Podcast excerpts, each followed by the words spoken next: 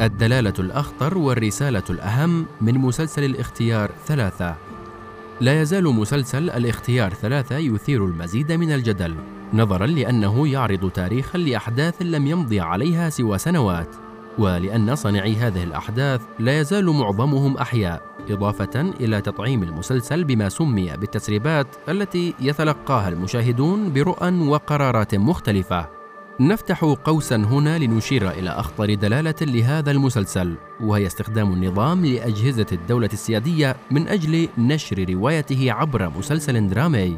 دون الانتباه إلى حجم الضرر الذي سيسببه هذا الاستخدام لصورة الدولة أو ما تبقى منها حيث تظهر الأجهزة بصورة بائسة تتجسس على رئيسها وسياسيها وتسجل حواراتهم مع قيادة الجيش. ثم تستخدم هذه التسجيلات في عمل درامي. لا شك بأن معظم الدول تسجل محاضر اجتماعات قياداتها المهمة لاستخدامها في الإرشيف الوطني وكتابة تاريخها.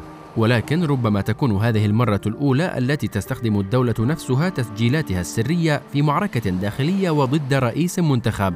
هكذا تتحول الدولة من حام لأسرار أجهزتها إلى مسرب لها في مفارقة عجيبة. تظهر غياب الحكمة عند هذا النظام. وبالعودة إلى المسلسل المثير فإن أهم رسالة أراد النظام أن يوصلها للجمهور هي أن الرئيس مرسي ضعيف ومهزوز أمام السيسي من جهة وأنه كان مسيرا من مكتب إرشاد جماعة الإخوان وخصوصا من قبل المهندس خيرة الشاطر من جهة أخرى. ظهر مرسي في المشاهد التي بثها المسلسل حتى الآن ضعيفا أمام السيسي القوي والحازم وطويل القامة أيضا. يتحدث الرئيس في هذه المشاهد التي تجمعه مع السيسي بضعف وارتباك فيما يبدو السيسي حاسما وواثقا. إن من حظ المشاهد المحايد الذي يتابع هذه الصورة النمطية التي يريد المسلسل تثبيتها أن الصور والفيديوهات الحقيقية التي تجمع بين الرجلين لا تزال حاضرة في مواقع الأخبار والتواصل الاجتماعي واليوتيوب. في كل هذه الصور والفيديوهات حتى تلك التي جمعتهما يوم الثاني من تموز يوليو عام 2013 أي قبل يوم من الانقلاب كان السيسي هو الضعيف الذي يجلس باحترام كبير أمام رئيسه.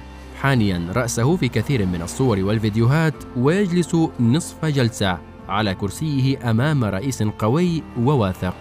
وعندما نقول عن مرسي إنه كان رئيسا قويا فلا يعني ذلك نفي ارتكابه اخطاء سياسية.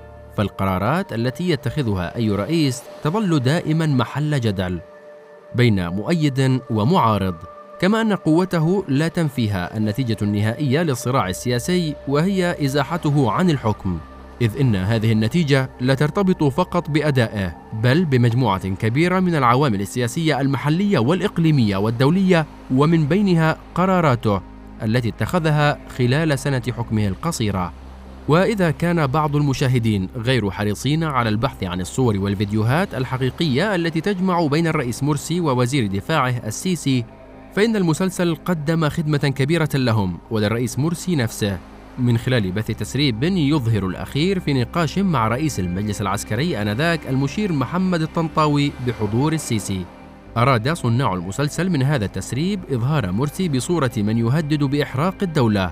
ولكن الرجل قال في الفيديو الذي عبثت به عمليات المونتاج والتقطيع أكثر من مرة إنه يحذر من مغبة تزوير نتيجة الانتخابات حرصا على مصر من ردة فعل الناس الذين كانوا في ذلك الوقت محتشدين في التحرير انتظارا لإعلان النتيجة النهائية. وبعيدا عن ما أراد إظهاره المسلسل من هذا التسريب فإنه ضرب الهدف الأساسي منه وهو كما ذكرنا إظهار مرسي ضعيفا. حيث بدا مرسي حتى قبل إعلانه رئيسا بشكل رسمي قويا جريئا في حديثه مع من كان يملك الأمر والحكم في ذلك الوقت فيما جلس السيسي خاضعا يكتب محضر اللقاء دون أن يبدي رأيه في أي أمر من الموضوع محل نقاش. لو كان رجال مرسي هم من وضعوا سيناريو هذه الحلقة لم يكونوا ليجدوا تسريبا أفضل من هذا التسريب. أما زاوية ضعف مرسي الثانية التي يريد أن يثبتها المسلسل وهي تبعيته لخيرة الشاطر ومكتب الإرشاد فهي مردودة أيضا.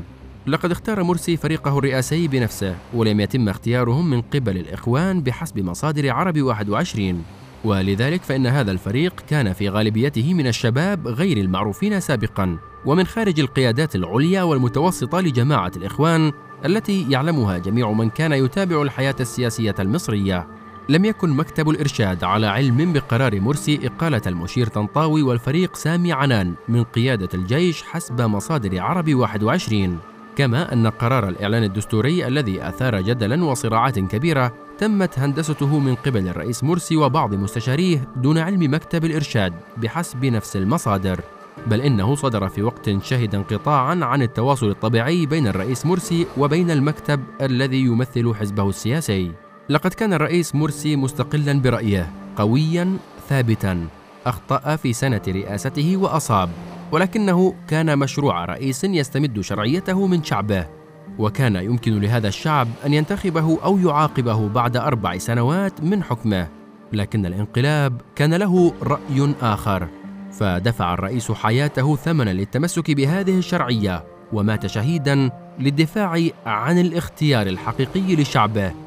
لا الاختيار المسلسل.